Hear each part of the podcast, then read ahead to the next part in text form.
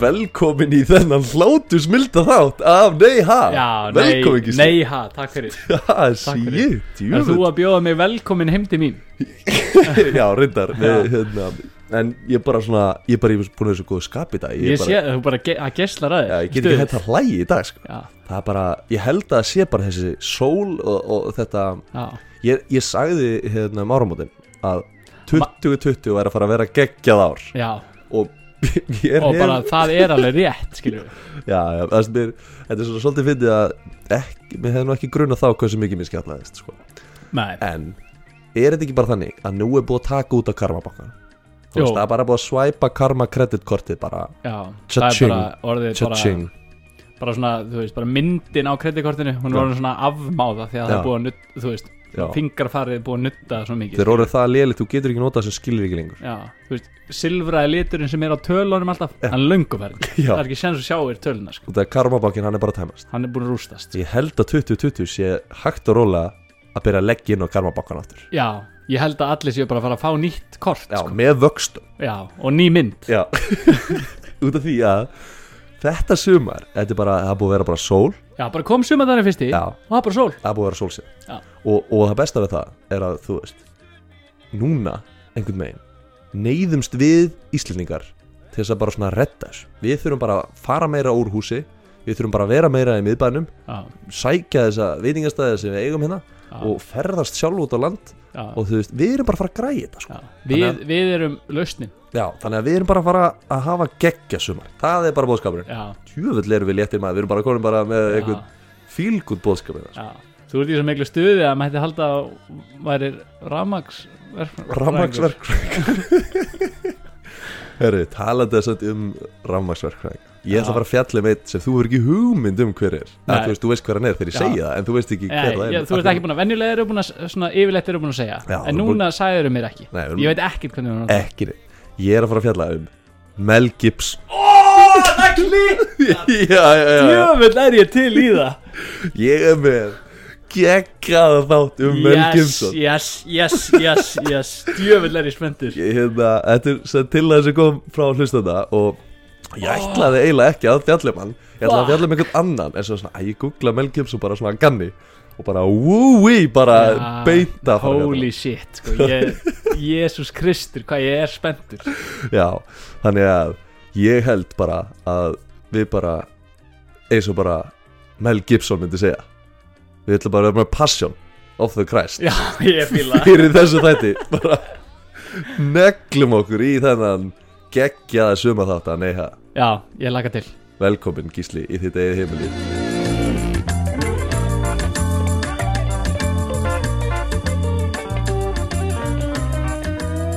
Þetta veður er búið að vera fokkina sko. Já. Ég vil gera það mikið fyrir sálunum hans að fá bara jól og blíðu sko.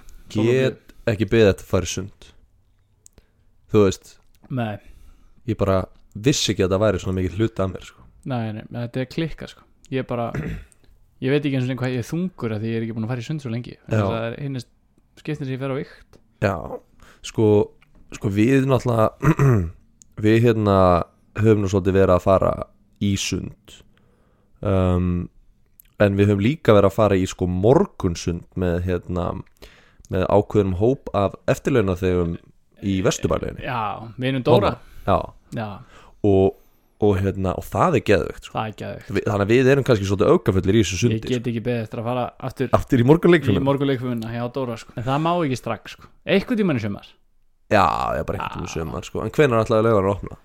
Ég held bara 18. mæði eða eitthvað Og það ekki Og hvað er eitthvað svona Er þetta svona eins og þarna eh, Væna þarna Two bros chillin in a hot tub Two feet apart cause they're not gay Er það svona allir þurfa að vera með bíl í pottinu með Ég held það sko Eða þú veist, það verður alltaf einhver ógeðslega pirrandi gæði skilur sem verður eitthvað, þú veist, þú kemur í pottin þú veist, og lappar í pottin og þá kemur eitt bara, hörðu, hörðu, hörðu það er nú ekki verið að virða að tökja með regluna hérna í þessu potti og þá verður maður bara að segja, já ok Viltu ekki bara drulla þér upp úr það? Já, já Two bros chillin in a hot tub Já, sko um, Ég veit ekki alveg hvernig þetta verður í sundi og Þetta er svo intimate dæmi sko Já, Þú veist, þú ert bara í baði með einhverjum já, þú veist, það er nefnilega svo fyndið ég hef alveg verið í bústað þar sem 6-7 gaurar fara í eitt pott já, já, Bara- það er geðvegt bara lappir, því- lappir, því axlir, fleiri. axlir já. því betra en ég hef aldrei farið bara með einum félag minn í bað eða tveimur, þó að það sé Nei. svona hlutfallslega jafn mikið pláss Nei. ég er svona þú veist Þú veist, er það út af það er inni eða er það of intimate já, ég held, ég held að það sé inni sko já, en svo er það líka bara svona svolítið mikið internet vegna þess að þú veist, ef þú fer saman í bað þá hefur Já. annarkvort valið um að liggja skilur að vera á móti hvora örum Mm. og þá bara er það að stara í augun okkur örum skilur Já, og já. bara hnén og, og bara tásunar í rassinum á þér já, eða að þið geti verið svona eins og þið séu saman í brekkunni á þjóðatí skilur svona einn í klófin á hinnum já, og liggur þá skilur með bakið á bringun á hinnum já. og heyrir svona andadráttina skilur, Já, þannig að já. ég held að bæði Eins og þessi setja í svona- scenario eru of mikið sko. Já, já, eins og þú sért í svona bobsleða með félaginu, Já, já, nema bara í, já. sund, í, í, í nema, hérna bara, baði nema bara í blöytur og á nærbúsunum Já, já, n- já, já, og ég, sko það er nefnilega það, það, þú veist, það er af einhverjum ástæðum tölvöld meira intimate að fara í bað auðvitað myndum maður freka vel í, bo- vera í bobsleðanum að þeir eru einn ástæða maður, það vil hvorugur vera með kranan í bakið Já, það er Skilurðu? ekki hægt sko. sá sem fær kranan er rústaður Já, hann er ömuleg sko. ef maður hefur ekkert að fara í bað með einhverjum þá, Og kraninn, að, að bara- maður lendur á krananum það er ömulegt sko. En við, sko, nú erum við báðir frekar stóri menn sko. já, já, Þú já, veist, Við erum báðir yfir 1.90 og þú 2 metrar já, já. Og hérna, sko, svo hugmynd að við förum í bað með einhverjum skilur bara þó að sem er kærusin okkar já, já. það er alltaf bara ömulegt skilur, vegna þess að Já. baðkar er ekki hanna fyrir menn eins og okkur Nei, Skilurðu? nei, nei og svo er bara hugmyndin um að fara saman í bað hún er geggið, svo bara um leið og það er gert Mm. Já. það er það bara, þetta er glatað Já, meira að segja eh, með kæró eða eitthvað skilur Já. það er bara ekki það finn ég er reyndar að fara í svona þrýhyrningabað sko, svona bað sem er í svona, í svona hotni Ok, ég ætla að vera að tala um hana já, nei, nei Já, svona, þrí, svona, svona nutt, nuttpott já, svona inni já, já, svona inni Já. nuttpott og það er eiginlega, Þrýhyrningabað það er náttúrulega pottur basically sem þú er með inni haður en það er samt of intimate Já, út af því að það er inni já, það er inni sko Það er, Skilur. lágt, það er alltaf lágt til loft svo það er ómikið pressa og þetta er bara, Já, þetta já, er þú veist. klikkað sko. af hverju er þetta svona, eh, þú veist, intimate og ég meina, ég held ég hafi einu sinni farið í Ég bað held að sé líka bara af því að þú veist þegar þú ert inni í já, baði í 40 gráðu heitu dæmi, skilur við mm, þá verður þetta sko, þú veist, lágt til loft eða eitthvað, þú veist og maðurinn verður bara líka svo heitt, skilur maður Já. fær bara svona kvíðakast og já, já. Ég, ég sé að við spurjum Instagram fólki okkar hvort að það sé að fara eitthvað með baðið já, hvort það sé að fara í bað með einhverjum Já, út af því að sturtan er næs já, já, og þ- því stærri sturtuhaust því betra skilur já. Það, ég hef alveg verið í þeim pakka ég er svona, og ég, ég veit ekki hvort að stelpur viti þetta, ég held, ég er að vona að flesti strákar sé þessu ég, en það er sem ég hef svo oft lent í er að ég teka bara á mér að, að vera smá kalt skilur Já. ég stend bara í hotninu leifi gælunni bara að vera með heita hotnið út af því að ég er bara svo næs gauðir skilur, en það er líka bara út af því að ég held að henni sé miklu meira kalt en mér sko. mér líður bara ágætlega þú veist, ég er, ég er svo heitt fingur mér er alltaf heitt sko. Já, en, en ég leifi já, ég veit ekki, sko, þú veist, þa- þetta er, styrtan er náttúrulega, sko, styrtan hefur kannski svona, eh, svona hefur sína, eh, svona sína stað og stund, skilur, sumar styrtur eru betri en aðra styrtur, Já, þú klárlega sko. veist, sumar styrtur eru geggjar, Já, sumar styrtur eru ömulegar, en já, baðkar alveg sama hversu Al- stórt og alveg sama, þú veist, hversu flott baðarbyggi, Já. það er alltaf ömulegt. já það, er, það er eitthvað Bara erfitt tökum í bað, sko. Það er eitthvað erfitt við það sko. Já, já, þú Það er veist, ekkert með Já, það er ekki hægt, sko. og þú veist þó em, ma- mann er verið bara of heitt þetta og, er líka svona sama svona þetta, þetta, hefur, þetta svona, hefur svona svipað þýðingu eins og svona þú veist það var svona einu sinni spennandi skilur svona hugmyndin eitthvað svona stunda eitthvað kyn, Sexy time í- í sex, se, baðkarinu sexy time í, í, eða eða í heitum potti eða Já. í eitthvað svona laug eitthvað staðar Bubbly og bara þú veist og hugmyndin er bara geggið svo bara um leið og byrjar það bara þetta er fokkin umrækt sko. Já, sko, sko sérstaklega í baði Já, Út af því að þú og veist, það þú bara- ert inni glúss, Þa- glúss, það er bara í alveg og eins og það vatnið er upp úr og bara vatnum allt gólf já, það er náttúrulega, þú veist, þú lendir ekki í þú því ert með bara eins og selur að reyna að komast upp úr bækarinn Já, þetta er svona Þetta er svona eins og þegar þú ert búin að veiða hérna, þosk og, og þú setur hann í hérna, fiskikari og hann er bara þú veist, að rústast að reyna að komast upp úr Já, já. karinu Já. þannig er að stunda kynlíf í, í baði, í baði baðkari. já, já, wow. já. þannig að hafið það Þarna, þú veist, ég En- er bara en ég væri alveg til að vita hvort að fólk þú veist, við, við sittum með poll inn á Instagrami já, að hérna uh, við, við erum svona, við reynum að hafa svolítið samband við okkar Instagram followers eða þú veist, okkar hlustendahóp aðalega bara að, í gegnum Instagramið uh, og það, við erum einmitt alltaf með hérna svona poll hvort að fólk hafi náð að svara já, að gíska á rétt þegar Já. að hlusta á þáttinn og fyrsta sinn í sögu nei ha þá eru fleiri sem gísku á rétt en rámt í alvörunni og ég gíska á rámt þannig að það lætur mig líða bara ennþá óörugara já, ok, ég held að það hafi verið 57% uh, sem, sem Já, sögðust hafa gísk, það gíska er enda alveg magnað það, Já. þetta er svona yfirleitt þegar við spyrjum að þessu, þá Já. er þetta 50-50 já, það er mjög fyndið já, já. Uh, reyndar þá sett ég svarmögulegana að hérna, sem sagt græt uh, ég notaði hausinn og Já. rauður ég hlusta á maga já, skilur út að ég hlusta á magan og skeit skilur já, en það voru alveg nokkri sem hlusta á magan sko. Það var, já, þannig að þið, ef þið viljið eh, svona svolítið uh, gera neyha ennþá meira interaktiv, bara endilega tjekkið á okkar á Instagram sko. já heldur neyha betur, undirstrykk podcast eh. eða- heldur betur og gaman að segja frá því að hérna að við hérna við, svona í djóki þá tökkum við Tom Green í eitt postin og, og sendum hún skilabóð og hérna og hann bara svaraði kommenta á postin já, já, já. þakkaði fyrir á íslensku Tom Green var mjög ánægð með senast þátt já, hann var mjög ánægð með hann sko. já um, ég er ekkit svo viss um að þessi gæði myndi svara okkur ég var að fara að færa ykkur yfir í Mel í Gibson gibbaran herði, ég er svo spenntur að segja frá Mel Gibson sko, já, sko Mel Gibson ég fó ekki djöðlega sendur hann hérna um, það er svona hann er svona nokkuð frægur fyrir að vera ástrálið sko já, en, hann er eiginlega frægari fyrir að vera rugglað já, já, já, en hann samt fæðist í New York nei, Jú, og hérna hann er svo sagt elst upp í New York með nýju sískinum já, þannig að það eru tíu börn á heimilinu já uh, mellin nummer 6 Já. uh, og pappans var járnbrautarstarfsmæður og mammans var heimavinnandi bara ímynda þær það í, í, hérna, í markaðum á dag alvöru verkamanna Já, að þú veist, þú getur Fjölskylda. glimti að þú getur rekið heilt 11 manna heimili, að þú veist 12 manna heimili já, á því að vera járnbrautarstarfsmæður, skilur já, bara einn gæi glemdi því sko. Hann hvað er- var hann góður líka Ha. þú veist hann er lítur að, þú veist, hann var bara fokkin afkasta mikill járbrytakar já, já, bara stjórnaði bara, Gibb. bara hund já, Papp- pappa Gibson en já, pappa hans var sko klika mikil katholiki og, og að gamla skólanum sko, svona, og réð, svona réði yfir heimilinu með járn hendi sko já, og, og ef krakkarnir voru að rífast skilur, tveir krakkar bara alveg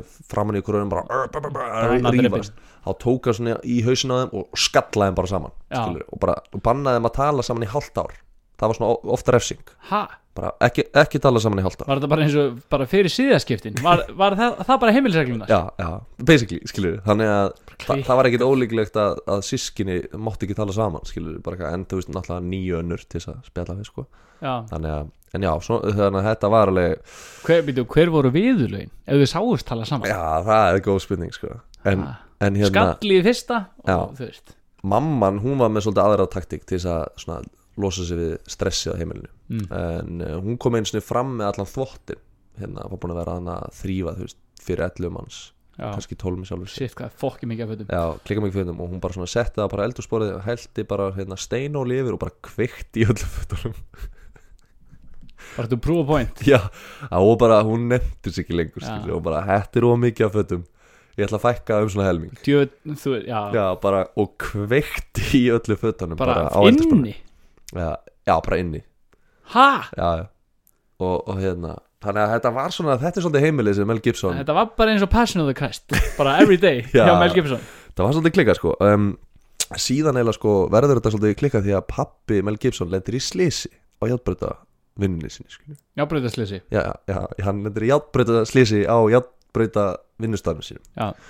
um, og, og Var, missir var að þann vinna sem sagt bara Þú veist, að leggja teina Eða, eða Mm. í lest Já, hann var í einhverju viðhaldi, hann var nefnilega ekki sko, hann var ekki conductor Nei, hann var hérna bara það sem kallast railroad worker já, já, já Hvað já, svo er sem bara- það já, þýðir. Já, já, bara vinna við að búa til væntanlega Já. railroads og eitthvað svona dót um, þannig að þú veist pappin sko fór í bótamál við fyrirtækið Já, um, en US Rails já, Bara. bara, já, en nákvæmlega bara US Rails, bara Já. s- fór í mál við það og vildi fá pening en það tekur náttúrulega smá tíma að fá bætunan, þannig að hann var bara aðurlösa með hann mm.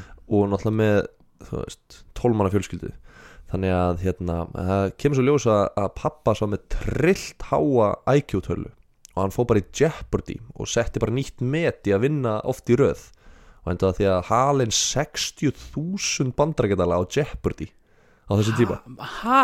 já, Í Jeopardy? já bara 1960 eitthvað, þá bara fór hann að Jeopardy og bara, setti bara nýtt met í þáttunum bara aldrei nýtt komið svona langt og haldið sér inn í leiknum svona lengi Bara Gibb, pappans Mel Gibson já, já, Gi- já Gibb var bara meistar í Jeopardy grætti bara vilda penning Þetta er ótrúlegt og, og, og hérna, held fjölskyldu gangandi skilur á Jeopardy penninguna þá hann Já. fekk 120.000 dollara hérna, frá játbrauta fyrirtækinu þannig að Já. hann var bara á stuttum tíma bara 180.000 dollara fyrir mann sem var kannski að græða eitthvað um 20.000 dollara á Ári. ári, þá Já. var hann bara í allt í hennu komin í freka góð Bara mál, king. sko. já, bara topp mál sko. Já. Bara hættir að kaupa einn eggjapakka á heimilið bara, já, já, Það er bara ekki eitt egg á mann lengur En það var ekki bara glundróð heimilinu Það var líka glundróði Utan að, já, í, í heiminum Því að Ég- yeah, heim- Vietnam stríði var í gangi sko. Ú, Þannig að e, Og elsti sonurinn bró, Eldri bróðir hérna, Mel Gibson Hann var að verða átjá Ég finnst sko Ég verði eiginlega að segja Já. Við notum aldrei sound effects Nei. í, nei, ha, Nei. En Mér finnst að þú verður að klippa inn hérna Já. Creedence Clearwater Revival hérna, Fortunate Son, bara rétt að meðan Ok, þetta ok. fer fram Já, ég, ég ætla að koma með svona að koma, Ok, ég, ég ætla að setja sinn Nú bara hækku þetta upp Og Bara þyrlan kemur. Þyrlilöðin og nú kemur lagið Vietnam stríði er í gangi skilur. við. Já, Elsti sonurinn er að verða átján ára gamall já, Og Gibb Honum líst ekkert á þetta skilur nei, við. pappans Mel Gibson Já, hann, hann er ekkert að láta sónu sinn verða einhvern fortunate son hérna. Nei, nei, nei, það er ekki hægt Já.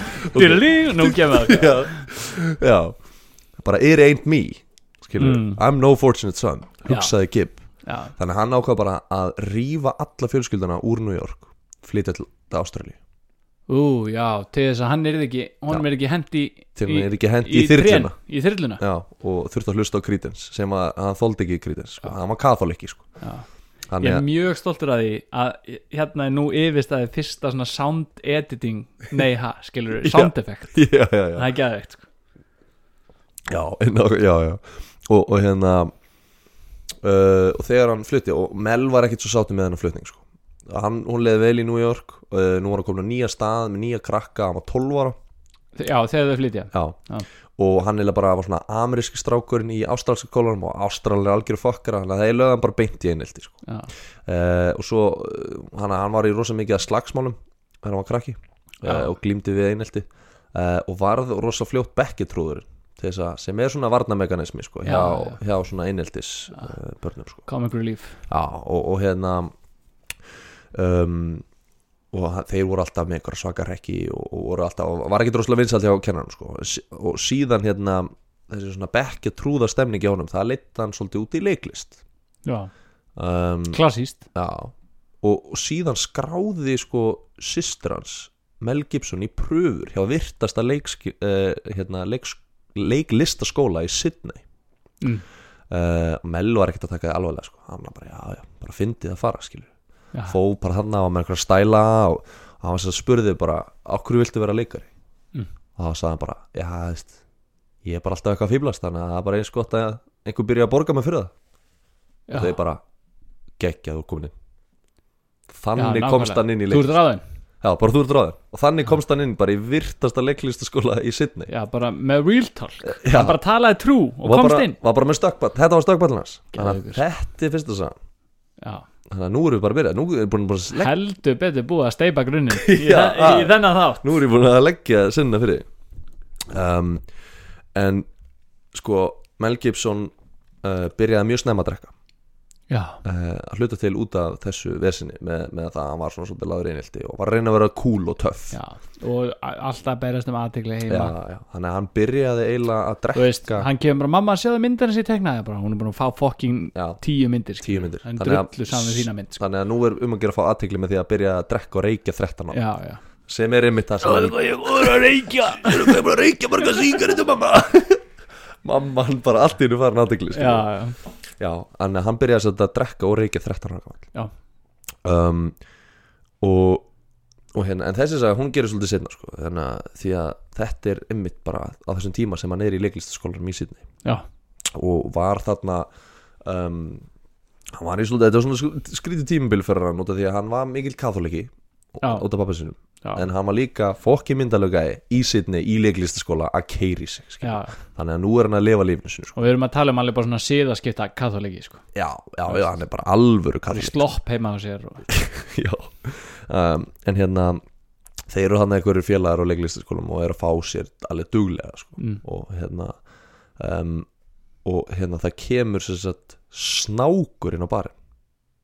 já, bara einn svona ástralsku Bara sneg s- þessi sneg sneg skilur, kemur inn já, svona carpet python lettið þú á einu þannig? í Nei, Ástralíu? ég sá, það var, við vorum í útilegu Já, og það kom svona King Brown sem er held ég eitrasti Ú, Snákur í heimi? já, og einn algengasti já, hann Í klikkað, Ástralíu? sko. hann var bara svona, já, hann bara ég er komin hingað til að drepa eitthvað, sko. já. maður sá það bara á hann klikkað sko. Já, þetta var Carpet Python sko. Já. um, og það fer náttúrulega allt í uppnám inn á barnum skilur já, að þú veist, svona eins og bara ástralskum sið er þá eru sumum drullu sama Já, heldur bara að já. fá sér fá sér bara, ba bara Bundaberg, Já. bara einn bandi og Já. ekkert kjátt það sumir, sumir fóru upp á stóla skilur, vildi ekki láta, snáki, að láta snákin á sér sko það er pöntuð sér bara Forex Gold hérna áfram, Já, uh, en bartendina hann var bara eitthvað, þú veist, ætla ég að reyna að gera ástralska hreim sko, að reyna að herma eftir þessu já, minn besti getur, hann var eitthvað Righto, calm down everybody I'll call the snake catcher Þetta var nú kannski, hann var svolítið breskur þessi gæð þetta var eiginlega já, þetta var svolítið brest sko. Þetta var svolítið brest, já ég er svo lélir í reymum sko. Ég ég er búin að gera svona fjóra tilraun í þessu dæti, ég næ aldrei að hitta Já, já. nákvæmlega Þannig að hann var eitthvað svona, það var svona Monty Python breska bara, þú veist, Já. hvað var þetta hann var allavega svona Righto Nei, ég geta ekki Ekki séns Hann sagði bara eitthvað, allir er bara að slaka á skilur Ég ringi bara á snákafangaran Já. skilur Læt fjallega snákin já, um, og snákurinn er bara að býða með að bara spila snákajazz eða eitthvað bara kss, kss, kss. já Snake Jazz Já, og, og meðan hann er að býða eftir að vera tekinn skilur já, en verandi trúður og, Mellari. og, og flippari eins og mellari Já. bara, skilur þá ákvað hann að taka flipkissi þá ákvað hann að taka þetta mál bara í ein hendur já, þetta bara fjarlæga snákin sko já, og hann fer aftan að snáknum grípur í halan og er svona, þú veist, að draga snákin og snákurinn, þú veist, byrjar allir að snúast bara, að, betur það er eitthvað tós í mig, já skilur bara horfur í baksinu beilin Já, og hann, hann segir hérna við hérna félagið sinn að hann er að opna hurðina snákurinn ja, Nei, sem sagt, sem sagt að hérna, Mel Gibson segir við leiklistafélagið sinn opna hurðina, hann ætla Já. að fleia snáknum bara út um dyrnar sko, og vera hetja já um, en hérna, en síðan gera þetta bara eitthvað vandamál einhvers annars henda hann bara út á guttu Já, en svo var svo vandamálið að hérna þegar hann er svona eiginlega að fara að henda snáknum þá, þá hérna, ég var að reyna að finna gott íslenskt orð fyrir þetta en snákur svona stekkur eða á hann, svona lunges er hann, já, skilur Sna- snatsar á hann sko. Já, og kss, og honum svona hann svona eiginlega bregði svolítið við að hann hann sleppir aðeins fyrr Já. og dúndra snáknum á barinn nei, hann fleir snáknum upp á barinn og bara grss, bara inn og, og bartendurinn er bara hann segir hérna fucking hell mate bara what the fuck did you do that for skilur bara, þá, þá ætlaði hann að hjálpa hjálpaði ekki neitt já, bara, bara dundraði snáknum á barinn já, dundraði snáknum á barinn og hérna free rounds for everybody bartendurinn, þú veist, gæti náttúrulega ekki sörfað mikið þangar til að snákafangarinn kom sko, já, en Mell og strákarinn, þeim fannst þetta fokki fyndi já, þetta þeir skummust Bara ekki, þeir drepist fóru bara á maður, annan bar sko. drepist alveg risk já en hérna þetta er nú ekki eina drikkjusagan nei, hjá mellaranum sko. ég er hann með á, hann á marga góðar hann á marga góðar drikkjusagan hann á líka marga slæmar sko. já, hann hefur eiginlega glimt við alkoholism að meira að minna allæði Já. en sem segja, byrjaði að drekka 13 og ha- á þessum tíma tvítur og hann sko, hann meikar það mjög snemma hann fær eða sko fyrsta hlutverki sitt í bíómynd þegar hann á ár eftir í skólan sko. Já. og fær velun fyrir það, bara eitthvað- einhversu ástralsk kvikmyndalun svo þegar hann Kenguruna já, já, hann fær kengur en hérna sem sagt um, hann sem sagt uh, var hann á öðrum bar um, þetta er svona stuttu mjög stuttu eftir leiklistaskólan og hann lendir í svakalegum slag á einhverjum bar Já. og er bara allur afmyndari framan bara klikka bólgin með skurð bara á andlitinu blóði yfir sallan Já, og rekst hann á einhvern leikstjóra já, hérna, allur rústaðir og, og leikstjórin er bara eitthvað herru, ég, hérna, ég er að gera bíómynd sem heitir Mad Max já það var ekki að fá þig sem svona afmyndaðan aukaleikar og þú ert svo rústaðir, þú veist, þú verður örugglega allir út í örum og eitthvað ógeð eftir hérna, klikku í barsmiði sem þú varst að fá Já. og Mel er bara, já, ég er bara góð stemninga að fá að vera í einhverju bíómynd, skilur Já, og það segir bara, herru, hittum við bara eftir tvær vikur er þetta aðeins búið að gróa og við tökum upp eitthvað góða sinnur og hérna, og það er gaman að fá þig já Var, hann- þú veit, var, hann bara, var ennþá bara blóð bara í framanninu Já, hitt hann, bara, hitt hann bara sama kvöld sko. Nei, og hérna hann, hann fyrir samt ekkert á setti sko fyrir tveim vikur sinna já, já, uh, átt að leika bara einhvern svona rabbalda sko rippalda ribbalda, Nei, þetta var svona rabbaldi hann er svona, heitir Já. rabbi og, og, og, og, og eftir hann að þessi baldur Já, rabbaldur, nei já, þetta var svona ribbaldi já, um, og, og þegar hann mætir tveim vikum sinna þá var, þú veist, andlitið hans búið að lagast skilur, og leikstjóra, þú veist, það var bara wow, bara ógeðslega sexy skilur, hvað gæði þetta? það var bara lítur klikka vel út, bara allt Já. búið að gróa hann le- leit Hann, bara, hann hefur séð hann og hugsað bara þú veist, Já. ég myndi fara í bað með þessum gæði sko. já, já, það var svona miljón dólar andlit skilur, Já, þannig að hann bara, herru, fuck it þú ert bara að fara að vera aðalhuturki þú ert ekki að fara að leika eitthvað ribbalda hérna sko.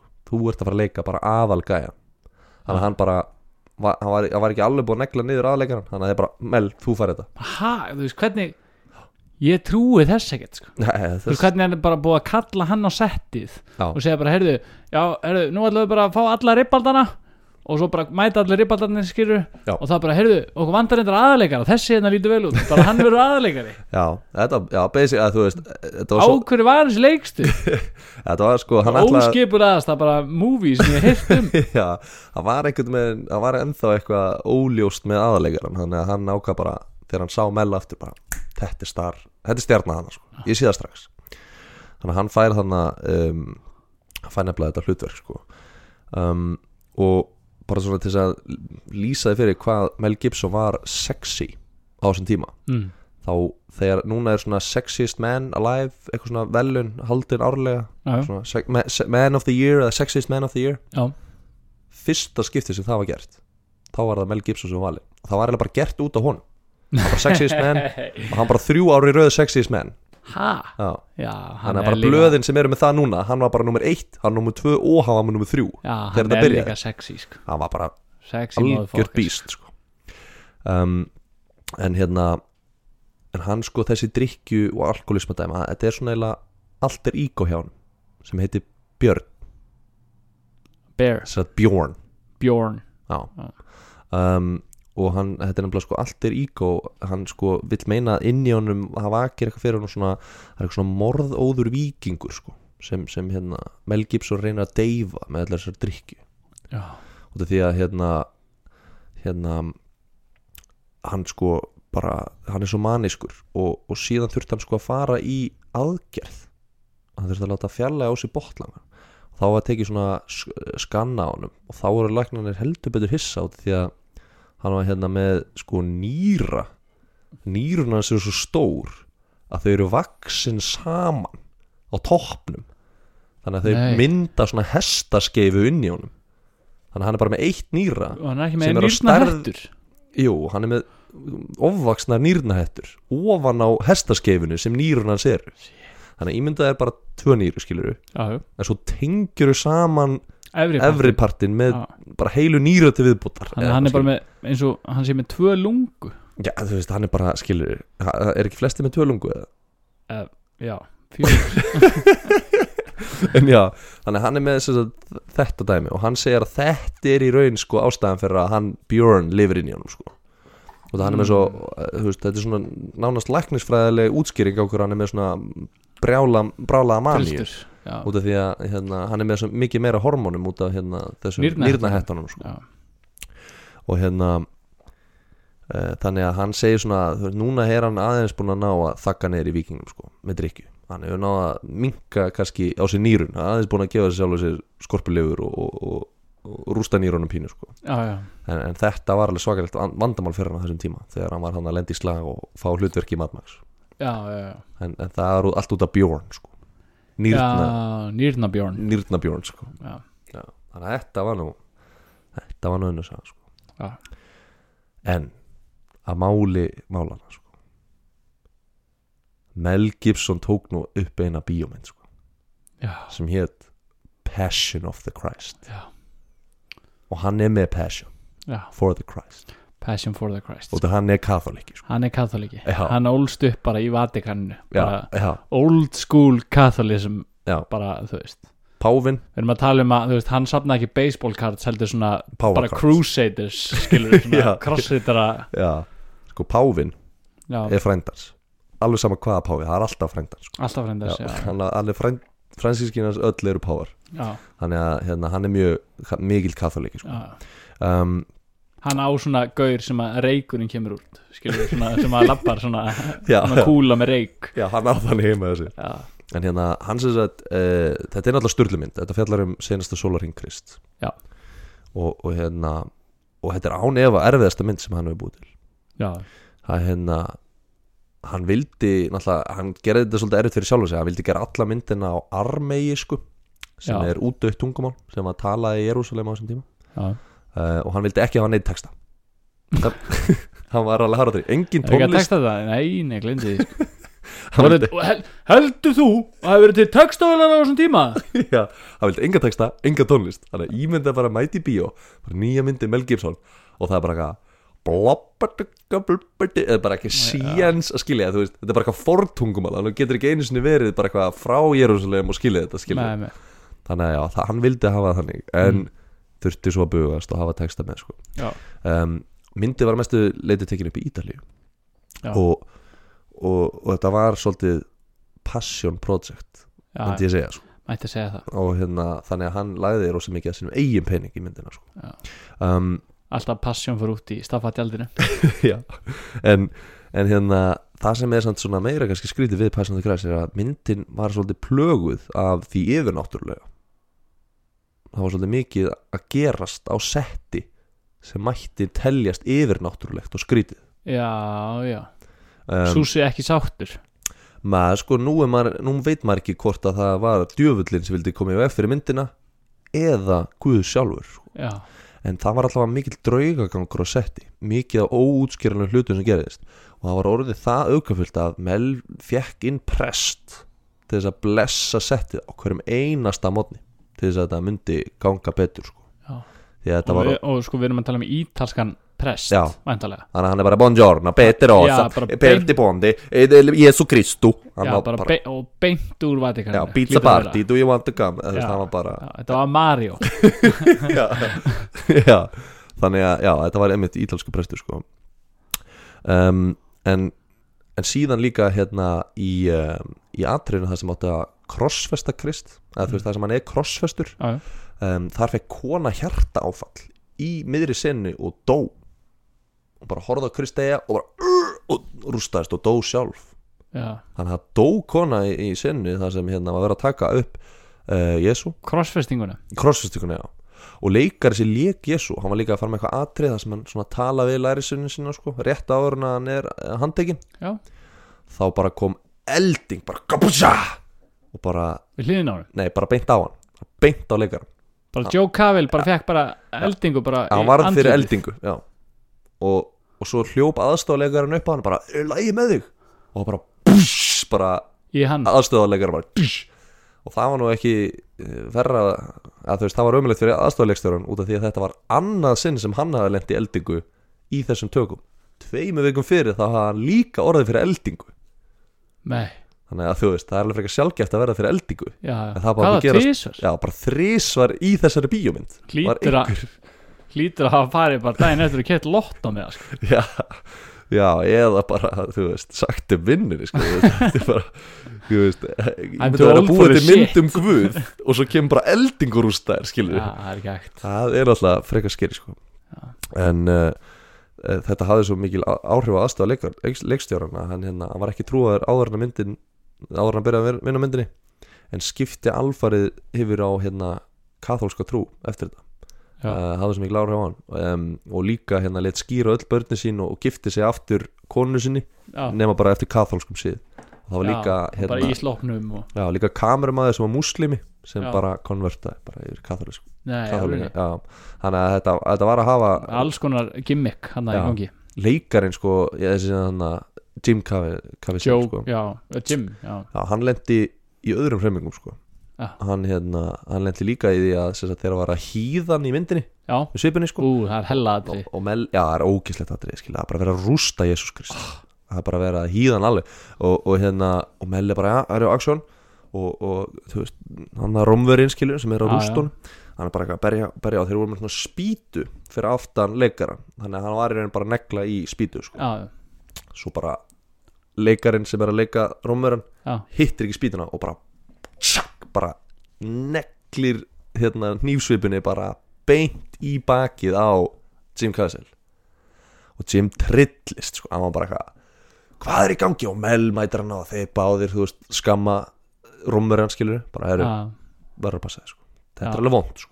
Þetta var alveg rómveri bara Frá róm, já, þú veist að tala latínu við hann sko, ok og hérna og leikar með á, sorry, sorry, þetta kemur ekki við aftur og Axon, aftur tjá, aftur bara búm hitti beint fram í spýtin og beint í Shit, leikar það skilur, er og hella. þeir- þeir trillast skilur, bara, Já, þetta er ekki hægt sko. þetta er ekki hægt þannig að já, það- þetta var alveg svolítið klika sko, og, og hérna líka þegar voru að, hann var að láta Me- Mel var að láta hérna, Jésu bera krossin og þá hann missi svona krossin sko, mm. þá bara fór Jim bara úr axlalið sko Já, þannig að þetta var heldur betur trillt já, erfið taka hjá bæði leikstjóra og leikar sko. já Var það ekki líka þannig að hann voru allir gjössanlega trilltir að Mel Gibson hafi gert þessa mynd Allir, allir svona trúar samfélagið jú, jú, ég kem svolítið inn á það á eftir sko það er, það er Ef ég nefnilega- mann rétt líka þá þegar að hann er crossfestur í myndinni já, sem að það sjá svona hendur sem er að crossfestan það er Já. víst hendur þar á Mel Gibson heldur betur rétt hjá þér það er, sem sagt- þetta er atrið það sem að vera að negla Jésu við krossin og það Já. settur nagli í gegnum hendina á honum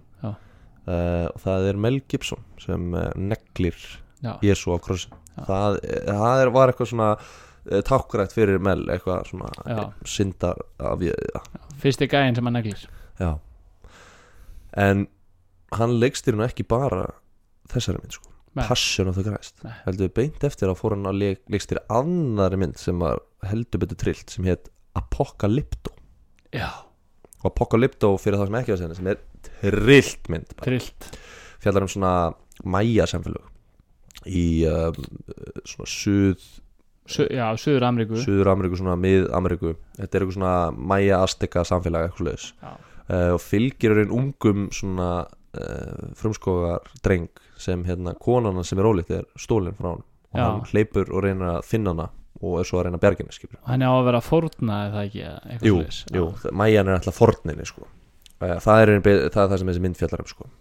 Uh, en síðan, þú veist, er hann hundeltur í myndinni því að hann átti í raun að vera drepin sko. Já, uh, og það er til dæmis eitthvað trillt atrið sem er hérna, melva svolítið fyrir að hafa þetta alvöru sko. já, þannig að hann lét bara byggja þessi svaka Hofin sett og- og, já, og bara var með 700 auka leikur eitthvað og lét alvöru púmadýr hlaupa eftir leikarnum Já, í einu atrinu sjálfsögð. það sem að er svona púma að hlaupa eftir hennum sko. já, um, en uh, já sem sagt, eh, myndin er skotin í, í, í hérna, Mexiko Mm. og, og, og hérna, þeir nýttu sér frumskóin og þar og þar er mitt svona svolítið svakalegu foss Sem sagt, 50 metra hár foss klikkastór Já.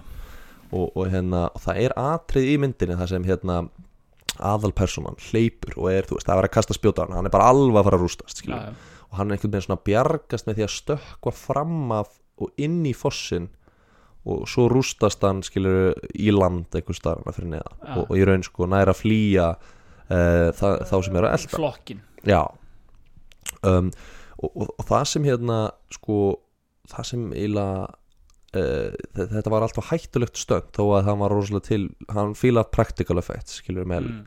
en þetta var á hættulegt stönd þannig að þeir settu þetta upp þannig að þeir settu svona 15 metra háa byggingu svona bara græna byggingu skilur við letu leikar að stökka fram að henni og síðan, þú veist, fjallaði er alltaf græna og, og svo bara taka þær upp svipa skot skilur við fossin og, og, og setja bara svona superimposa það inn á sko. Mm.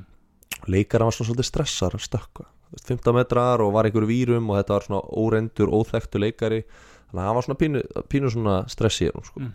og, og hérna svo, mell er bara eitthvað, herðu hættu þessu rugli, skilur bara, og, og gera þetta bara og stönd hérna koordinatorinn sem sagt, uh, sá sem stjórnaði þessu, hann segir svona, herðu, hafið engar ákjör við látum mell svo geta orðið sín og stökkva í lókdagsins þannig að klára þú bara daginn það verður ekkert mál, svo látum við mell stökkva líka Mm.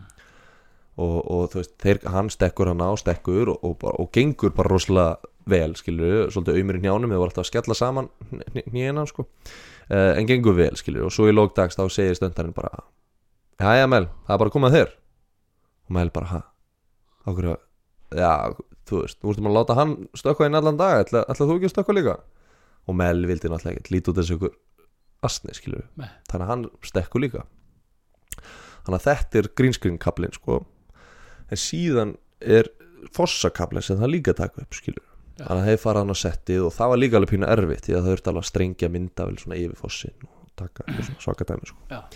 um, nema það hérna þegar þeir eru að taka upp þar þá hérna þá eiginlega svona kemur svona belja inn á sett sem, sem lappar eiginlega inn og, og ætlar sér yfir anna þessi belja og beljan er eitthvað að lappa skilur við og, og, og lappar þarna og vatnið er bara úr djúft og háin er bara úr ströymharð þannig að beljan eitthvað með svona blú, og, og eiginlega bara er að rivver aftur hana niður anna já, skilur og bara mú, eitthvað, og Já. þú veist, lendir hann á fossa brún, brúninni skilur Mm.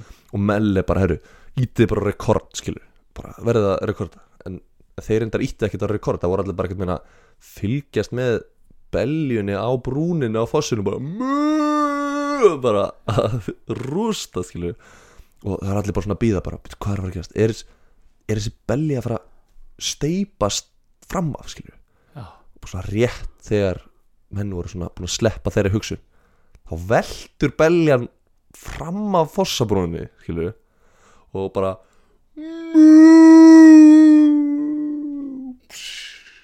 skilur já, steipist fram af fossu já og Mel hugsa bara Mel Gibson var bara búin að horfa á þetta þetta er bara money shot hann bara fuck voru það að taka upp? Nei, djöfullin skilur af hverju ekki, ég saði að það átti að íta rekk skilur já, en bara hann bara þessi belja hún rústaðist sko.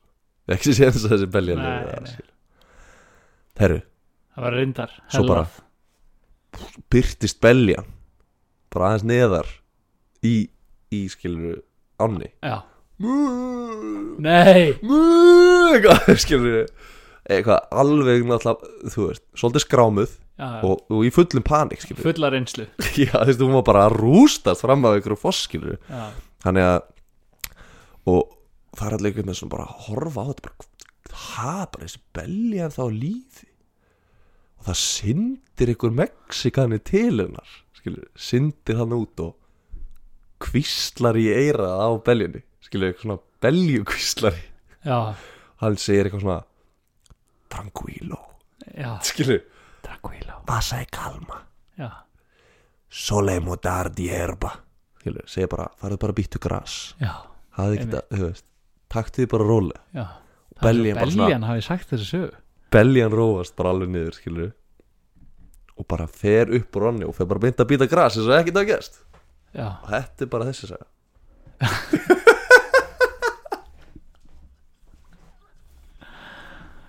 ótrúlegt bull já, Þú verður að hætta með þessa helvíðs beljusögur sko. sko Má já, taka þessa beljusögur og tróða þeim upp í raskatið sko. Ég hef sagt það áður, ég segi það aftur Tottis er beljusaup í raskandar Já, hvað ætli þessi að heiti? Ha, Ú- Úbre, úbre negro Úbrin negra en, en Mel Gibson hann, hann hefur nú því miður verið svolítið í spotlightinu sko. uh, svolítið í blöðunum Já, tabloids frekar svona slúðublöðunum já, uh, og þe- þetta er svolítið sko, þetta er nefnilega, þessi Hollywood pólitík er svolítið erfið sko, og, og ég ætla að reyna að útskýra það eins, eins og ég get en þetta er alveg svona sko málið er að hann eiginlega sko, uh, reyna að fá fjármagn fyrir Passion of the Christ vill engin snert þetta nei, nei. vill engin það var allir brjálæðir Já um, Og því að þeir heldur ekkert með að þetta var svona gýðingahatur Já, já, sem hérna og var freymað þannig Svolítið? í- Já þú veist, ef maður horfur á myndina þá var ekkit þannig sko að þú veist Nei, nei, en bara gýðinga voru brjálæðir að því þetta væri eitthvað svona Já, ég meina að hún er ekkit verri við gýðinga en bara biblíum skilur Nei, að þú veist, það var bara romverjar og gýðingar crossfest Jésu og þeir stjórnuðu samfélaginu á þessum tíma skilur það er Já. ekki, er ekki raun ekkit verri en það sko nei, um, en allavega það þorði enginn einhvern veginn að snerta þetta Eh, þannig að hann setur 30 miljónir bandarækjadala sínum eigin pening inn í Passion of the Christ Já.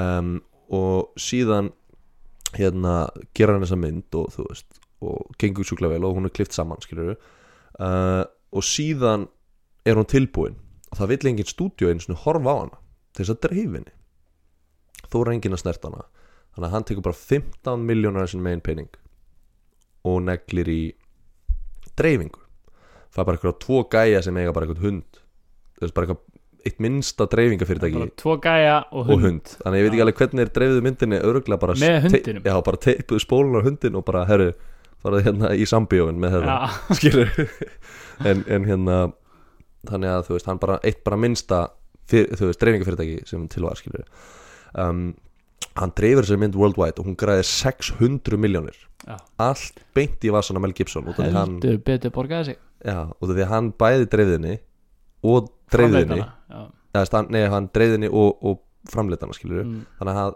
100% af returninu fór beint í vasan hans já, og hann sagði að og hann, þú veist soldi bara tóku upp löngutöng bara fuck you á Hollywood, skilur við við það að gera þetta múf og það skapaði alveg þvíli politist tension fyrir hann út af því að þannig hafði hann bara búið til bara highest grossing hérna svona uh, R-rated mynd, skilur við mm, allra tíma og hann hafði gert hann sem indie mynd bara independent, skilur já, og hann hefði bara svona sínt að það þarf ekkit Hollywood til þess að dreifa myndanum og þe- og þú veist, hann sagði að þetta lifti svolítið huluna af því að þú veist, hann er eitthvað svona dreifingaraðlegar bara að taka allt og stóran hluta af kökunni þegar það er hægt að gera þetta sjálfur, skilur já, bara fullt af öðrum bíómyndi fór að dreifa sér sjálf, skilur já þetta bara kostaði Hollywood fullt af peningum þannig að strax var hann komin vittlust meginn á Hollywood Komin á svartalista þannig að þeir voru svolítið svona að býða eftir að geta hann upp sko. og síðan er hann náttúrulega með sinn alkoholisma og sitt drikkjuvandamál stríða að keira fullur í daginn Bjorn Bjorn var við stýrið Já, og, og hann er handtekinn af lögreglunni og hann trillist og það er ekki alveg svona fylgir ekki söguna en það virðist að vera að þessi tvei lögreglumenn voru gýðingar eh, og hann lætur úr sér hatursumali um gýðinga hann sem sagt segir bara, eru þið kannski gýðingar hann að helvitin ykkar það er bara öll stríð í heimurinn er nú bara gýðingum að kenna það er orðrétt það sem hann segir og þú veist hann setur sefunóttina í fangilsi og og eitthvað svona en síðan lekur lauruglarportið út í slúðublöðin mm, og þannig kemur þetta út og þetta springur og verður risa, risa, risa, risa drama sko. Mel Gibson hata gýðinga Já, og, og hann í raun sko um, þetta, var- þetta var svona fyrirsögn sko. já, já, já, og hann, hann kemur fram og segir bara þetta var bara skammalegt það sem ég saði og ég bara byrðist fyrirgefningar og þetta, svona er ekki lægi sko. og ég myndi þetta ekki og ég er bara þú veist, ofur ölvi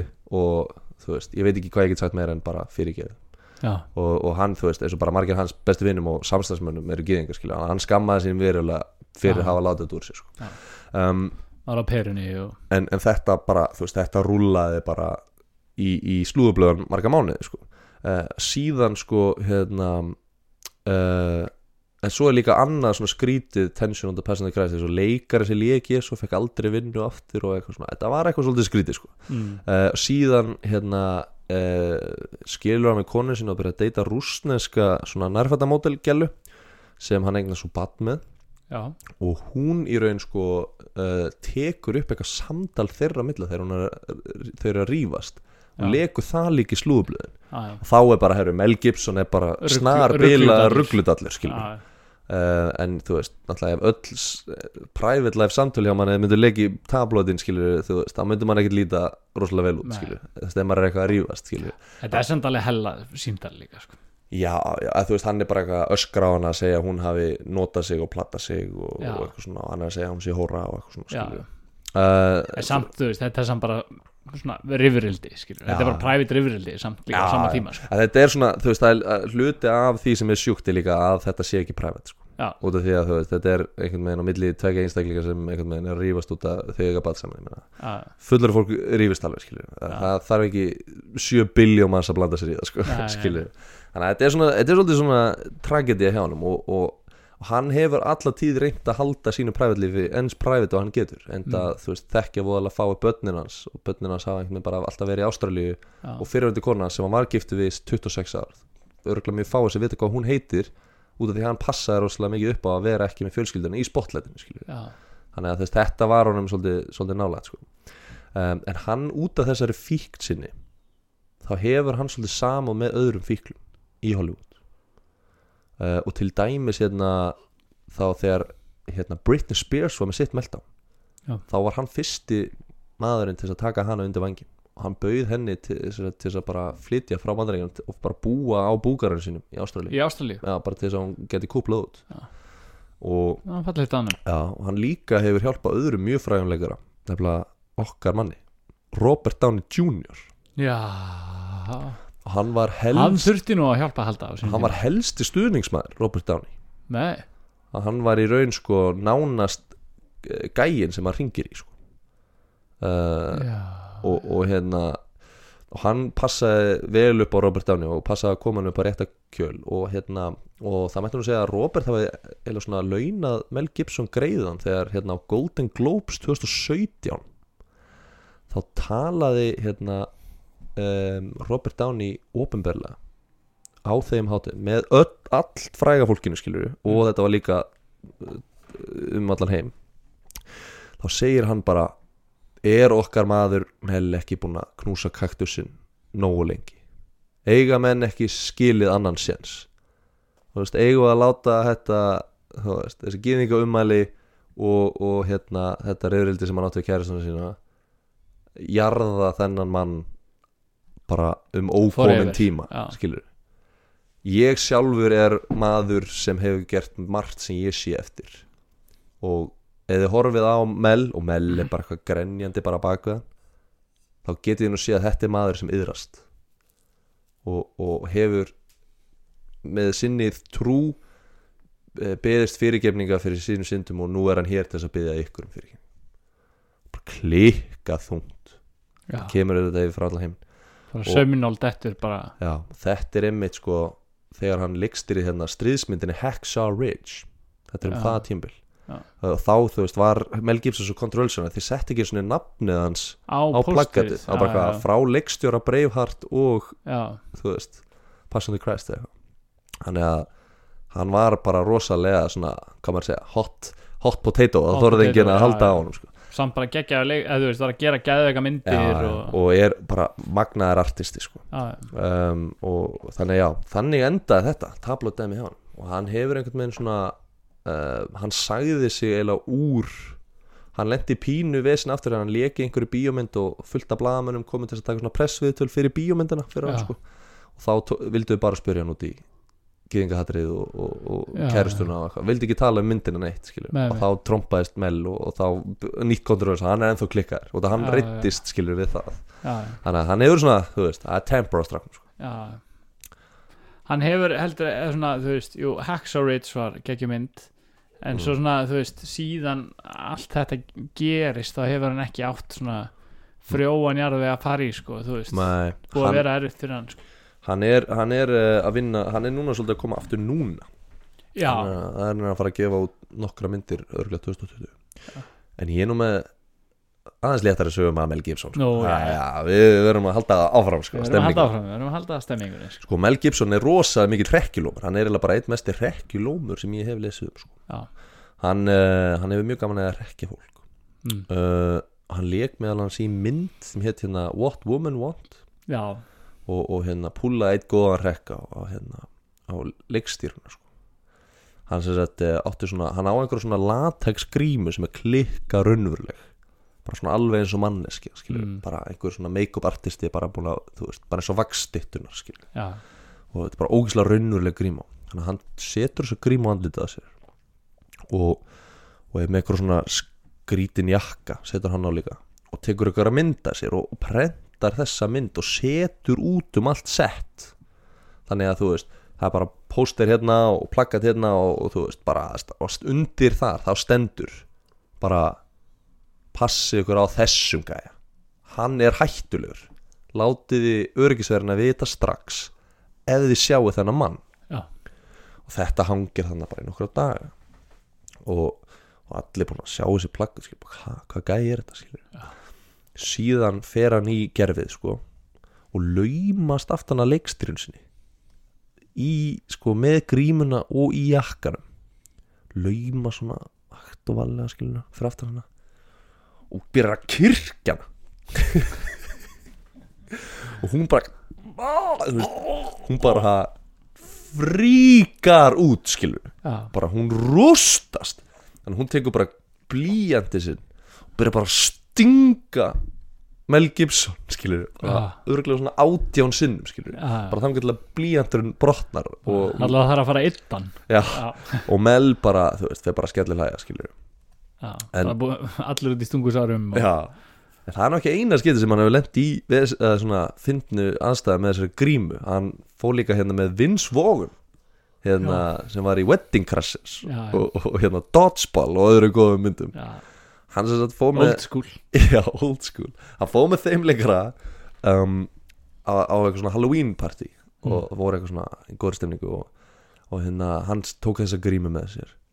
og var alltaf svona að setja á. hún er vist svo raunvurlega því sem þeir lýsa að þú heldur bara 100% að þetta sé einhver manneskja og, og hérna og hann var alltaf svona bara að spjalla við eitthvað fólk og svo bara svona "Ó, ó, mér klæjar eitthvað svona, ó, mér klæjar svo í hálsmáli og svo bara svona, svo reif hann af sér andlitið fólki bráf ekki mikið og það var bara eins og einhver maður var bara að rífa af sér andlitið skilja Já. og svo bara tvöfalt hiss á þetta því að ekki bara var einhver gaur að rífa sér andlitið heldur var hann bara Þetta var Mel Mel Gibson skilja, bara undir skilja bara, ha, ógislega mikið sjokkar en, en hann, hann lendir nú svolítið í því út af því að hann hérna hann sko um, hann sko ætla að rekja hérna, stöndmann sem hann var að vinna með og læðist að þannig stöndmannum og er bara svona að spjalla aðeins við hann og er Mel Gibson skilur og stöndmannin er að "Heyrðu, og er ég ætla að ná hérna, nokkra bjóra á barnum og snýr sig við og, og er að fara að panta tvo bjóra og Mel hérna, setur á sig latexgrímuna fyrir Mm. aftan hann bara eins og spætumann Já. já, stendur bara beint fyrir aftan alveg uppið hann og gæinn snýr sig við og hún bregður svo mikið og hann fattar ekki einhvern veginn hvað er búið að gerast allt í einu er einhver annar maður búin að byrta svona nálægt fyrir aftan hann þannig að hann bara muscle memory bara kýlir Mel Gibson beint í andlitið bara Á lúðurinn? já, bara færir hérna á lúður bara, búff. og svo dettur Mel Gibson niður og hann bara fer í hlátuskast og hann finnst að fokki finna að fengi einn á lúðurinn við það að setja upp grímuna já, hann er svolítið grímukall grímukall já, en síðan er ég nú það er með því að grímast Já Aha, Gísli Grímsson, þú Já. þekkið þetta ég þekki þetta, papp er alltaf þessi Svo er einu með eitt svona góðan lokarekk hérna, já, sem hann hendi í En hérna, hann sem sagt Mel Gibson var að vinna hérna á bíómynd sem hétt Lethal Weapon 3 já, lethal weapon og, og Lethal Weapon 3 var hann að vinna með tveimur öðrum skemmtilegurum Joe Pesci já, Joe Pesci, og, og hérna Chris Rock já, Chris Rock og Chris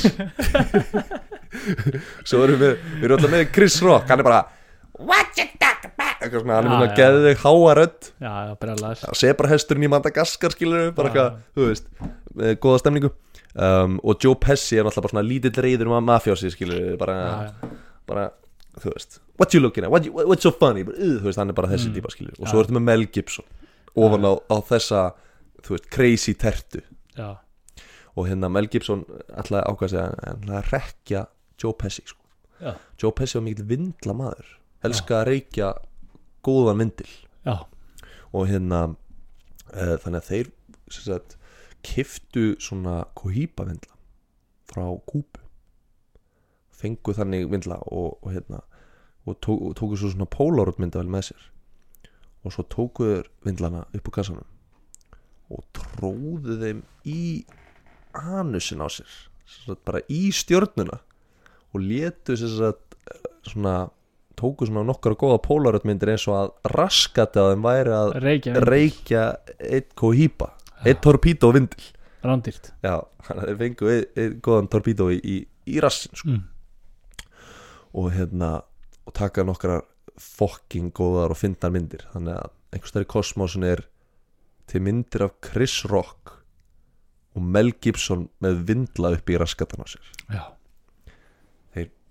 vanda sig skilur við, taka vindilin úr rassinum já, setja aftur beint í pakkan beint í pakkan já, skilur við ósnert og loka kassanum Já. fara með til Joe Pesci bara Joe við erum með treat for you my friend já, við erum með pakka pessi pessi fyrir þig Já, við erum með hérna vel vel reykta að, þú veist, vel, vel rúlla mætti maður Já. kannski að frekar að segja torpíd og vindla frá kúpu Já, drullu góður Joe bara þið eruð svo miklir meistarar Já. gef mér eitt vindil já, stingur einum upp í sig kveikir í, er að reykja og bara þið, ge- þið veist, þessi viti hvernig Joe Pesci lítur út, hann er örugglega bara setið hana búin að krossleggja fættar bara já, jöfull eru þið miklu Já. meistara strákar, ég er svo ánæði með vindilinn skítfýtt vendil skýtu vindilinn, já síðan meðan Joe Pesci er að reykja vindilinn, þá rífa þeir upp Polaroid myndina sem þeir voru að taka já, og sína Joe Pesci já, að hann er í raun að reykja rassavindla já, og Joe Pesci sem er nú ekkert oftast rosalega, hvað maður að segja með mikið jafnaða geð í myndunum sem hann leikur í nei, nei, alltaf, alltaf trompaður tók náttúrulega eitt alvöru Joe Pesci trillingskast skilur, með vindilin ennþá upp í sér bara alveg brjálar já, og hérna, já og var ekki, var ekki parsáttu með að reykta hann þessa rassa vindla sko. nei vildi samt ekki taka vendilin úr sér já, þannig að þetta er bara þetta er bara svona nokkra rekkjulómasögur af Mel Gibson Mel Gibson Já. er sko trilltur rekkjulómasögur já, ég fíla það Já Og hérna Þetta er ráta svona því líka byllið með þér Og ég er með þrjá hérna fun fact já, Sem ég finnst bara svona svona skemmtileg Já. ég var að vona að væri eitthvað svona breifhart saga sko. ég var svo mikill breifhart maður Já, ég er nefnilega með fun fact úr breyfart Á, ok, ok, ég Sko- fekk smá breifhart Til þess að- til þess að gefa þér svona, eh, svona nokkur áhugavert fakt Og, og, og, og víst, þú vilt aðeins meira breyfart dós Já. Sko breyfart nefnilega hérna eh, Er önnur mynd sem hann leikstýrir Mel Já. Gibson um, Og hérna Og sem sagt um, hann le- leikur náttúrulega líka í þeirri mynd hann dónestu við tökunar á breyfart hann varðnestu undir hesti Satt, það er svona hestu sem er þjálfaði til þess að svona þykjast deyja og dettur aftur fyrir sig já, uh, og hérna hann rasar og dettur og hestur er að fara að rasa og detta akkurat í þessu spotta sem hérna, Mel Gibson liggur og stöndmaðurinn bara svona rýfur í hann og hesturinn bara gúm já og bara búm, akkurat það sem hann lendi í. þannig að þessum að tala svona 500 kíló og dundrast, hefði dundrast beint ofan á hann sko. um, og hérna Mel Gibson er ekki með þátt hann bara kveikir og slekkur á sínum leikar hæfileikum bara, svo, er- þú veist bara cut og þá er hann bara tillagaði skilur uh, en hann hefur einu sinni farið svolítið yfir strikið um, hann hérna, þetta var sig- á þessum tímapunkti þar sem hann var að drekka svolítið mikið og var svolítið þunglindur uh, og hann hérna hann sko byrjaði morgumæti sem er fimm svona, hvað maður að segja fimm bauka, síða bauka já, bara svona græna bara alveg, bara yðnar já. já, tvo og halva lítir af bjór með morgumæti já, áður en að fór að taka upp þannig að það er alveg ótrúlega þegar maður horfir á performance af Mel Gibson að hugsa að hann er eiginlega bara blekar allan tíman sko. en hann hérna í Lethal Weapon 2 þá er atrið það sem að- hann að gæin ætlar að drepa sig setur byssu í kjæftina sér eða eitthvað leis Mm. og Mel Gibson hlóð byssuna bara með alveg bysskólu tróði upp í kjæftina sér út af því að hann vildi hafa þetta meira real þá ertu að leika þær heldur mæl, mæl, þetta er um ekki Þetta er of mikið sko. það Þarna er, ekki, ertu það er ekki hægt að vera drukkin og tróða og byssu með kúlur kúlur í byssunni. það er ekki hægt það er ekki hægt sko. það, þú veist Mel, nei, hérna, sko, Bruce Lee dó og það var engin kúla í byssunni sko. já, já. Og það var bara eitthvað svona, það er eitthvað gæin í Tiger King líka sko. já, að þú veist, þetta er bara, þetta er ekki hægt sko. þetta er ekki hægt svo seinasta fun fact að hann á bara heila eigu á Fiji já, það er seinasta fun fact já, hvað heitir hún? hún heitir hérna Gib Já, Gib Nelson Ég veit að- Gib Nelson Eh, hérna, skýrið höfuð pappa hans en svo er ég með minningem fyrir þig já, þetta eru sér að öll hlutverk sem Mel Gibson hefur hafnað ok, þú út að reyna að gíska hvort að þessu hann hefur ekki hafnað ok og þú veist um, hann sem sagt hafnaði því að leika McLean í Die Hard já, hann hafnaði líka því að leika Terminator í Terminator Já. hann líka hafnaði því að leika Batman í Batman Já. og þá þeirri Batman sem Keaton tók já, Michael Keaton já. hann hafnaði því að leika Braveheart í Braveheart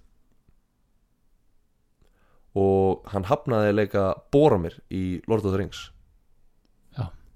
hann hafnaði líka að leika James Bond Já. hann hefur líka hafnaði að leika Wolverine Já. í X-Men Já. og að lókum þá hafnaði því að leika Óðinn í Thor-myndan í Marvel-myndan já, á ég að giska hverju hann hafnaði í alvörni þú ert að gíska hverju hann hafnaði ekki alveg hvort að þessu er lígi já, eh, bara einn sem það er er bara líka eitt sem er lígi ok, ég verð að fá quick, þetta var svo margir Já, Die Hard, McLean, Já. Terminator, Batman, Braveheart, Boromir, James Bond, Wolverine eða Óðinn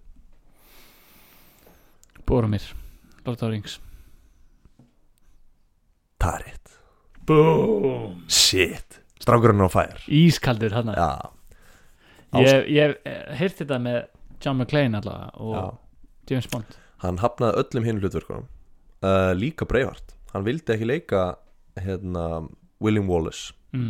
Hann vildi hérna, bara leikstýra En stúdíu tók að ekki til greina að hann fengi neinn annan leikar og þurft að leika sjálfur út af sitt eigið púl sem stjarnar Já, þannig að hann neittist til þess að leika William Wallace, hann Já. vildi það ekki gæðið ykkur í þessu hlutverki líka sko. já, hann er frábær, sko, hann er frábær uh, en þannig að núna er ég strax náttúrulega að byrja að titra í buksunum, sko því að þú búin að ná einu rétt, skilur Já. ertu kannski bara búin að sjá í gegnum ekki, Nei, ég er þetta ekki viltu fá ríkapið Ég vil fá recap við byrjum eiginlega á því að- Máli er, sko, ástæðan fyrir ég skýt líka á Lord of the Rings er vegna þess að Lord of the Rings var svo low budget til að byrja með já, og það var engin stjarnar nema Ian McKellen hann var Já. eiginlega eina þekkt andlitið í já, allavega svona vel þetta sko.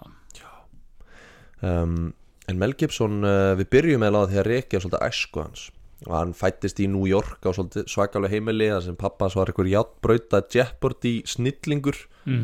sem reif svo fjölskylduna bara eila upp á hælunum og flutti til Ástrali til að sleppa við Vietnamstrið út af nam ja, Vietnam og þar var Mel bara einhver bekkjar trúður og, og sem leitt hann út í leiklist það sem hann sagði bara við fólkið að bara hann er svo mikill fökk er alltaf að fýblast það er bara eins gott að eitthvað borgið sér fyrir það sko. Já, og það bara gangt í bæinn gagt í bæinn, sko. velkomin við erum búin að leita að manni eins og þér sko. manni sem talar þrú Já. og Ok en hann er svolítið drikkjumæður mm. og á einu eftirminlega djammi þá hérna þá var satt, snákur sem kom inn á bar Snákur í stífilinu já, snákur, eh, þessi snake in my boot Já, uh, og eh, Mel Gibson vildi sína sig og vera töffari og ætlaði að fara að púla eitthvað stíf örfin á þetta og bara tosa í snákin og henda honum út um dyrnar en í- eiginlega endaði því að henda snáknum eiginlega á barinn og á bartenderinn og það fór ykkur flöskur í gólfið og bartenderinn trilltist og ég reyndi náttúrulega að, að, hérna, að, að herma eftir honum en ég get reyndi einu sinni en hann segi eitthvað Fucking hell mate Why the fuck did you do that for? Það er ekki svona svolítið indverskur ástrali og þetta var svona, svona innflytjandi í Ástralíu Ég læt að slæta Þú lætið hann að slæta Ok En það var allavega það sem hann sagði sko Ok, En hann hefur nú ekki bara, Þetta er nú ekki eina drikkisagan Hann hérna eila uh, Hefur glýmt að alkoholism allavegi Og, og alkoholismin leitt hann í Slaga á einhverjum bar Þar sem hann fekk svakalega áverk á andliti uh, Sem eila Fekk bara, hann rettaðist bara redda hann hlutverk aðalhlutverkun í Mad Max 1 Já. fyrstu um, og sem að svona, já, gerir hann eiginlega frægan ekki, Mad jú, Max jú, það er klálega breakout role fyrir hann og, og hérna út að hafa með þetta miljón dollara andlit Million Dollar Face Já, hann segir að í raun er þessi drikkju sko, drikkfeldni hjá honum það er út að hann er með alter ego í nýrónum sínum sem heitir Bjorn Já. og svona, hann er með svona hestaskeiðulaga nýra og Já. svolítið stóra nýrna hettur sem er sjálfgjafur genagalli Já. um, og, og, og þar, það er ástæð fyrir maníuna sko. En hann hefur tekið að þakka neyri í vikingnum með allir þessar drikkju þannig voru nýruna sem hann skrepa saman og, og hann er með skorplifur og Já. eitthvað en hérna, hann tók líka upp Passion of the Christ sem var heldur betur plöguð að yfirnáttúrulegum yfirbyrðum Já. yfirnáttúrulegum viðbyrðum kannski, þetta ég Já. fyrir að segja um, og þar uh, urðu hérna, aðstöða leikstjóra hans var fyrir eldingu tvisvar og aðaleikar var fyrir eldingu einu sinni uh, og það er líka dó kona í atrið það sem Jésús Kristur er krossfestur Já. það ekki hart áfall og dó og, og, og hérna líka þá hérna var eh, hérna, leikarinn Jim Caviezel hann var hittur og var tvisvar af aukaleikara sem leikur umvera og Mel og hann voru svolítið brjálar á því og síðan bara alls konar rugl hann bara eh, fór úr axlalið og hérna og leikarinn, þú veist, í raun að allt, í- bara skíturinn fór í viftuna, hann rústaði svo mikið að hann þurfti að fara í hjartað að gera eftir mynda Mel Gibson nei, sem sagt Jim Caviezel Ég- hann hann glemdist að nefna það sko. það stóð, stendur hérna alveg seinast já, Það er það er satt. hellað já, bara stressið og álæðið við þessa mynd, það hafði slæma áhrif á hjarta hans. rústafanum en, en síðan leikstir hann Apocalypto mm, þar er frækt atrið það sem ungur mægi stekkur ofan í foss já, um, hann, leikarinn stökk nú ekki ofan í foss Nei. það, hann stökk bara á, fram á einhverju byggingu en það var nú samt belja sem tók hans stað og, og stiftist fram að fossinum og, og hérna lifði af og hérna og þessi belja fór svo bara að býta gras kjátti með þess að beljusöður það beljusöður eru svo fokki mikið fór bara að býta gras sko. um, síðan kom svolítið löng og þung saga það sem hérna ég eiginlega rækti því að af hverju hann er búin að vera svona hot potato karakter já, af hverju hann er búin að símtalið og gýðingumælinn og- já, hann sem sagt eh, lagði, setti frá sér eh, gýðingahaturs umali þegar hann var fullur og handtekinn af tveimur lögreglu full, eh, lögreglu þjónu sem voru gýðingar mm, um, og síðan lag líka samtal við hann þar sem hann var að rífast við kærustunum sína sem hann vildi meina að nota sig Já. og síðan hérna þessi svona allt þetta rugl sem hann hefur lendi í hefur gefið honum samúð fyrir öðrum Hollywood-leikurum Já. sem hann hefur hjálpað mjög mikið eins og Britney Spears og Robert Downey Já. það var raunin Robert Downey sem fekk Hollywood til þess að fyrirgefa mell fyrir Já. ummæli sín Já. en hann er nú líka léttur gaur og hefur gaman að því að grínast gera Já. grín, stutt í grínið stutt í grín í honum og, og einn uppáhaldsrekkurinn hans var að, að hérna, grípa í svolítið raunverulega svona grímu já, uh, svona gerfi grímu sem hérna, hann setti á, á hérna, hausin á sér og er að rústa fólki Já, eh, svona eftirminnilegt eh, þóttist vera einhver hættulegur afbrótamaður og réðst á leikonu sín nei, hérna, leikstjóran leikstjóran eh, sem var kona og hún trilltist svo mikið, hún stakkan með blíjant en hann hrekti líka hérna, fólk bara út á götu á Halloween með sömu grímu Mm. og líka uh, stöndmann sem endaði því að kýla hann í andlitið þótt að hann brá svo mikið þegar hann sá þessa grímu já. og síðan var lokarhekkurinn það var hérna þegar hann let er þetta allt ein saga? um, já þetta er alveg tvær sögur sko. það er grímusagan og svo vindlasagan en þau eru Já. bæði hrekkir já, svo ertu með sko vindlasagan það sem Joe Pesci reykti rassavindla já, sem hann og Chris Rock uppistandari höfðu tróðið upp í rassin á sér og tekið góða mynd af já og svo bara, þetta voru bara allar sögurnar þetta voru alla svo sögurnar bara enduðu við á smá fun facts og, og minningi funnies Já. sko, ég, nú er ég ég er smá ráðvildur sko mm. að þetta var allt svo ótrúlega sögur já. en það er líka það sem þessi þátt snýrum það Það- eru ótrúlega sögur af ótrúlegu fólki og einlega sag já, Já. þannig er þannig er þátturinn Name Fyrir of þá the sem að- game. eru alltaf að furða sig á því bara, ha, Hver bíddu, er formúlan ein, aftur? er ein lígi Hver er þessi formúla? herðu, það er hérna sko mér finnst Mm, eins og ég sagði á hann, já, Mad Max sagan já Það, það... það að hann hafi fengi hlutverkið fengið hlutverkið að vera rippaldi Já, af því að hann var með uh, bar slagsmála áverka já, og þegar hann kemur á settið að þá er bara einhvern veginn já, bara mætt á settið og svo bara fullt öðrum gæjum sem rippaldar og svo bara, heyrðu, við erum reyndar ekki meira en aðalegara og Mel Gibson er fókin heitur og hann verður bara aðalegarin já þetta er bara bull sko. Já, já, já. en svo er er ég með einu viðbót sko. Mm, það er Joe Pesci sann, sko. já Rassavindlæri rassavindlandi sko. Já, já, já af því að hérna kóhýpavindlar eru bara alltaf dýri til að tróðum upp í rassamæði sko. en hérna Við höfum nú já, reykt svoleiðis ég- vindla við höfum reykt svoleið sko. Já. Ég hef aldrei sett það upp í rassamæði Á kúbu á kúpu, já, Já. Ég myndi ekki tíma einum svoleiðis frábærum nei, nei, í rassin á mér nei, nei og þú veist, og ef að væri eitthvað búin að setja það í rassin þá myndir heldur ekki tíma að, þú veist, hætta reykjan skilur. Nei, nei, nei en hérna ú, nú þarf ég að reyna að stari í sálina þess Já. og hérna og velja sögu sko. ég er svona þrátt fyrir þessi matmaks að fyrir fokki mikið töðunar á mér hann er bara, nau, heyrðu, reynda bara og þú bara aðleikarinn að þú svo heitur Já, þá finnst mér Joe Pesci sann vera meira byllleikun einn sko. ég verða verð að giska á það sko. Þú- ég, mér finnst það eitthvað líka með Chris Rock ég veit ekki, þú veist, akkur var Chris Rock en ég man ekki eftir að Chris Rock að vera líða löpun Eh, Þú veist að, þeir veist ólíklegt að sebrahesturinn úr Madagaskar hafi verið með í þessu rassagrinni Já, ég, neina svona vinnu Já, ég veit það ekki great idea, man, let's shove it up our ass Já, já, ég bara Já, um, já ok, herru, þetta er nú heldur gott Þú hefur ekkert, þú hefur ekkert þórað að gíska á beljusöguna Belja svona, sko, mér langar auðvitað að gera það En ég vil samt ekki gefa þér það Ég hafði tvisað svona giska á beljusögun skilur já, Og ég veit að þú Úbre negra Þú núna hefur þú gaman að þessar beljusögu Þú veist að ég trillist, skilur Því ég heyri beljusögun að þér Já, þú, eh, hérna Sko, Ef þetta er beljusögun, þá trompast ég líka, sko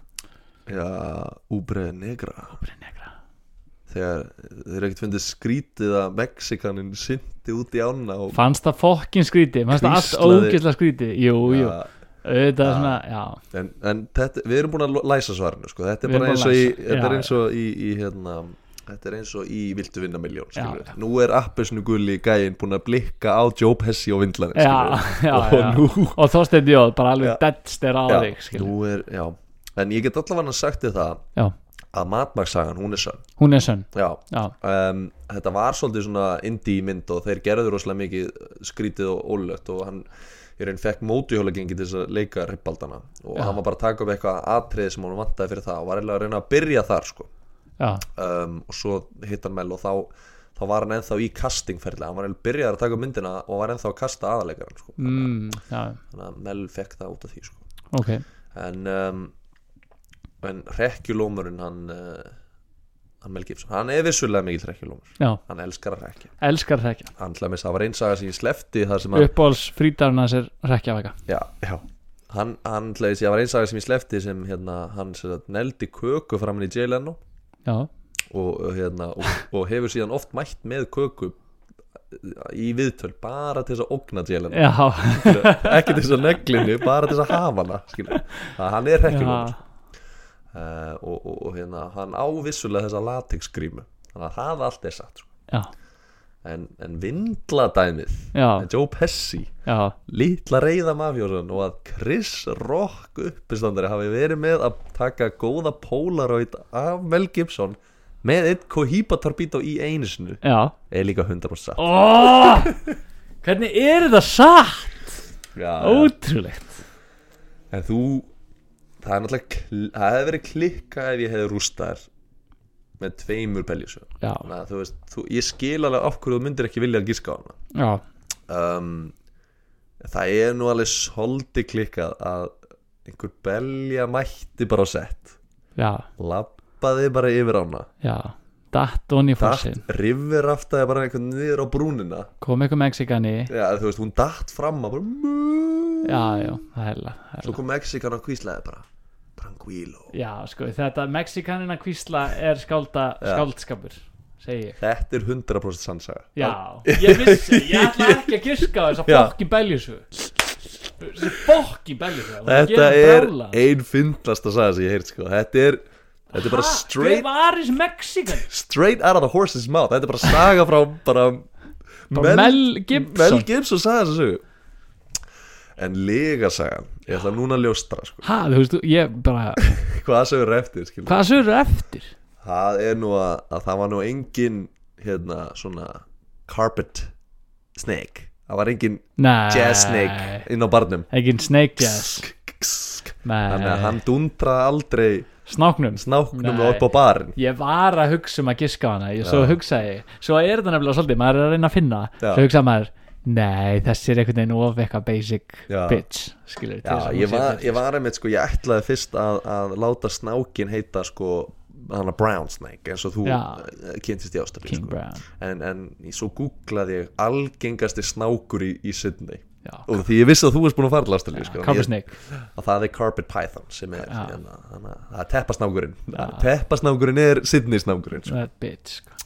já, Já, Snákarnir, úf, ha? snákanir já. Snákan er búin Við með annan snákarnir, þátt búin með annan þátt Já, ég, þetta var skemmtilega þáttur Já, Ég, Melgip, Mellarinn sko. já, ég gat náttúrulega einhvern veginn ekki fjallað um að nema að fara líka Í þunga í þungulóðin Já, sko. ég Að meina, þarf að- þú veist. stundum það maður að lifta þungu Maður þarf til að- þess að sjá árangur Já, maður þarf að lifta þungulhassi til þess að færa það og, og eitthvert við höfum líka við höfum núna lift okkur að, að fjalla um þingri sögur Já, í já. neyha, það er líka skemmtilegt að heyra þær það er líka bara gaman sko. fyrsta hérna, önnur mjög þung podcast njóta mikill að vinsælla Já, Þú veist, sem fjalla um morð og, og, og aðrar misterjur já, þá, hérna, þá hlýtur nú fólk að þóla einhver þings e, já eina þunga sögum Mel Gibson En við erum nú satt oftast létt Já, við, oftast, oftast. Það er stutt í hláturinn hér í neha Já, það er svona spurning hvort það fer mikið bara svona rappi, það er sól og blíða Það er svolítið að við ætlum Við út, við ætlum að fá okkur bjór við heldum út í, í bjórin og njóta, njóta dagsins Já, það er laugadagur áður en þið dæmi okkur Já,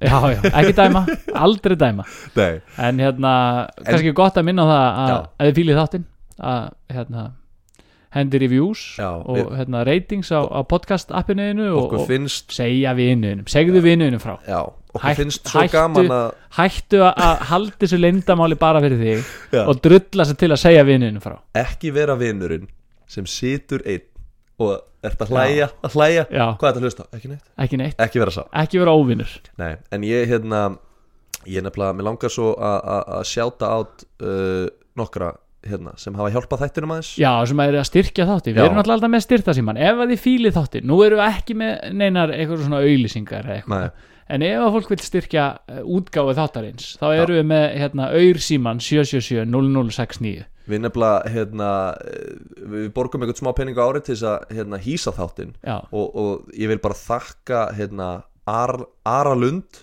Já. eða Ari Karl Lund já, og Halldór Óli Kjartason og Andri Þór Úlfsson bara Já. þvíligi já, meistarar Kings líka hérna Andri okkar maður, hann kom með heldig gott uh, góða hugmynd, þannig að ég ætlum að sjá hvort við náum ekki að láta þann draum vera að veruleika. Já, algjörlega, við tökum, við tökum öllum hugmyndum það er hægt að senda okkur messages á Já. Instagram eins og Tom Green, Tom Green senda okkur bara message Já, ekkert þess Tom Green og annað með okkur og, og hérna endilega bara líka að þið viljið uh, eigið samskipti við þáttinn og okkur þá eru á Instagraminu og með ykkur stemningu með ykkur stemmingu annars bara gleðilegan sunnudag Gleðilegan sunnudag. og hérna bara sjáumst í næsta hætti